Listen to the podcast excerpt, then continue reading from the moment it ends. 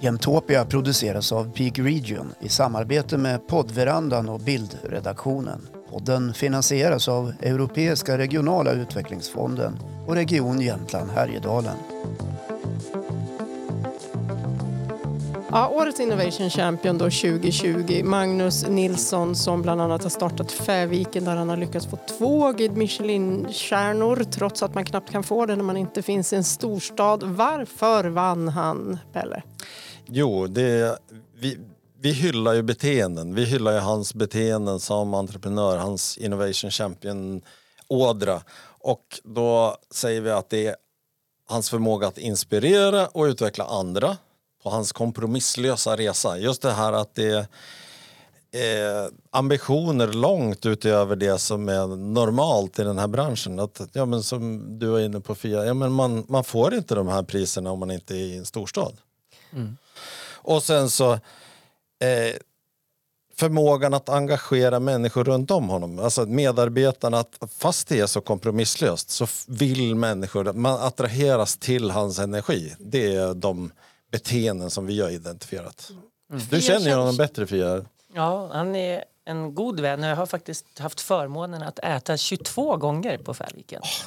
Oh. Avundsjuk på dig Fia. Plus att jag har faktiskt jobbat ihop med dem lite grann. Nej men alltså det Magnus är så bra på, det är alltså processen är inte det viktiga utan det är liksom kvaliteten och produkten eh, är, ja, det går inte att eh, ta några genvägar. Det känns ju som att en sån här Innovation Champion ska vara lite av en nördig galenpanna. En sån som liksom verkligen ser möjligheter där andra skakar lite på huvudet mm. men ändå har den här energin att man får andra människor att följa med. Uh, Fia, känner du igen dig i den beskrivningen? Ja, jag känner igen mig. Alltså, egentligen brukar jag tänka att jag har att, att vara en, en, en sån här som ni kallar då, Innovation Champion, det är att ha tre roller. Å ena sidan måste man vara visionären som liksom ser det där dit man ska. Å andra sidan måste man kanske vara finansiären också eller hitta vägarna till finansieringen. Och för det tredje så behöver man även vara liksom projektledaren och gå bakom och liksom putta på folk. Oj. Alla de tre rollerna på något vis behöver man inneha som, oj, för att lyckas liksom med Så det är viktigt också att säga så här att den här typen av karaktärer, det är inte bara hallontårta, det är inte bara myspys. Utan det, det, när det är drag, när det är sådana som vill mycket så kan det ju bli lite, kan bli lite annorlunda. Ja.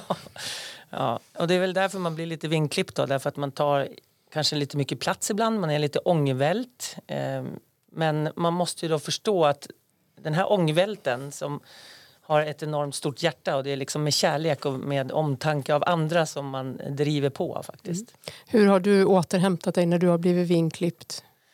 Eh, jag är hemma och bara eldar bastun och hänger med familjen och har fantastiskt liksom, goda vänner och eh, i, från hela världen faktiskt som jag kan liksom connecta med och som gör att jag landar igen och känner okej, okay, är, jag är inte galen.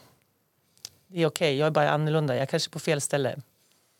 Marianne har ju en sägning som du säkert har hört att de här Innovation Champion, det är sådana som ber om ursäkt efteråt istället för att fråga om lov innan. Precis, och så är det exakt. Och jag brukar uppmana mina medarbetare till det faktiskt också. Det är bättre att bara köra liksom och göra istället för att fråga.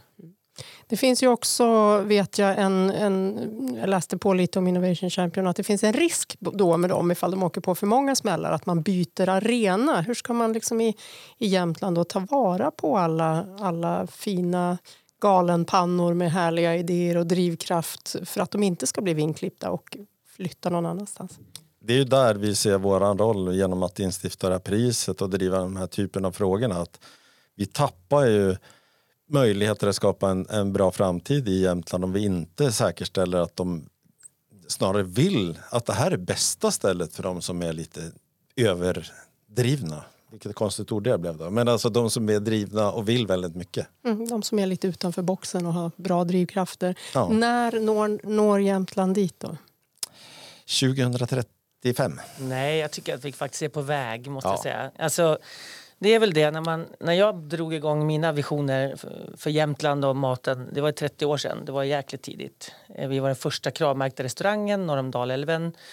Alltså det var för tidigt, så det var sjukt jobbigt. Men nu är inte det... Nu finns det så många andra också. Men Mosten, du nämnde honom. Och jag tänker på hela gänget på Godmorgon som inte ser de här hindren. Liksom, som tycker att Jämtland är världens coolaste, häftigaste plats att bo i och verka i. När det blir fler människor så att liksom normen inte blir det här eh, att det är konstigt, då händer det. Och jag, menar, jag tycker att det börjar hända jättemycket. Hörrni, superkul att få ha er här. Väldigt inspirerande. Grattis till dig igen, även om det var förra året du vann.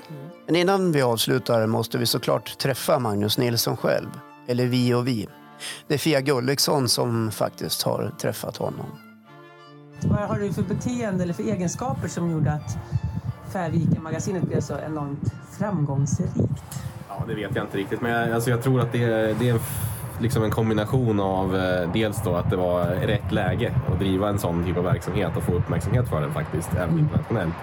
Eh, och sen så, ja, det är ju det där jag kan liksom, driva den sortens restaurang. Det är det jag har gjort även innan Färviken hela min karriär egentligen. Har jag jobbat med den typen av restauranger. Och det, Men egenskaper som du hade då? det Alltså vet så- jag inte riktigt. Men alltså just, Att du är bestämd eller? Ja, det är säkert. Men det, det, jag vet inte om, de, liksom, om det är det som är själva grejen riktigt. Alltså det, vad, vad man har för personliga egenskaper, det är ju bättre om någon annan pratar om tycker jag. De frågade faktiskt mig och då sa jag att eh, det är tre grejer som jag kan säga Ja. dig. Att du är kompromisslös Ja, vad gäller kvalitet och så att du är så passionerad Ja. eh, och att du är jäkligt modig. ja, men det var väl bra. Det var mycket bättre att du sa det där än att jag sa det. Ja, ja. Eh, och sen eh, tre, kan du sammanfatta lite grann Färvikens historia liksom, med korta... Ja, jag, menar, jag, tänker mig liksom från ett, ett rent eh, perspektiv att hur, man, hur det har liksom blivit som det har blivit så att säga så är det ju massa olika saker som har händelser som har fallit på plats på samma gång.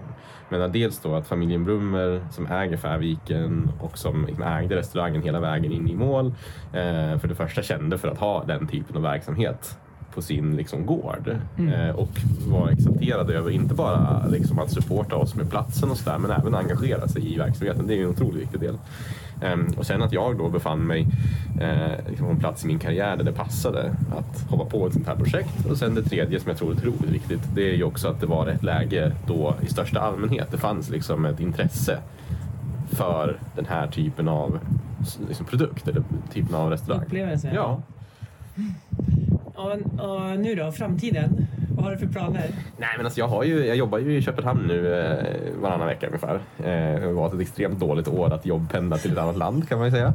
Eh, men det är ju som det är med det och det är väldigt, väldigt spännande. Vi driver ju en skola där eh, för folk i restaurangbranschen som egentligen vill liksom, skapa förändring. Det är det det handlar om, att skapa liksom, Hållbara matsystem inte eller? bara det. Det är all möjlig förändring i, liksom, genom matsystemet och genom, eh, genom mat egentligen bara. Så. Eh, och sen det andra är ju vår äppelodling i Skåne då, som jag också jobbar med. Och som är väldigt, väldigt kul.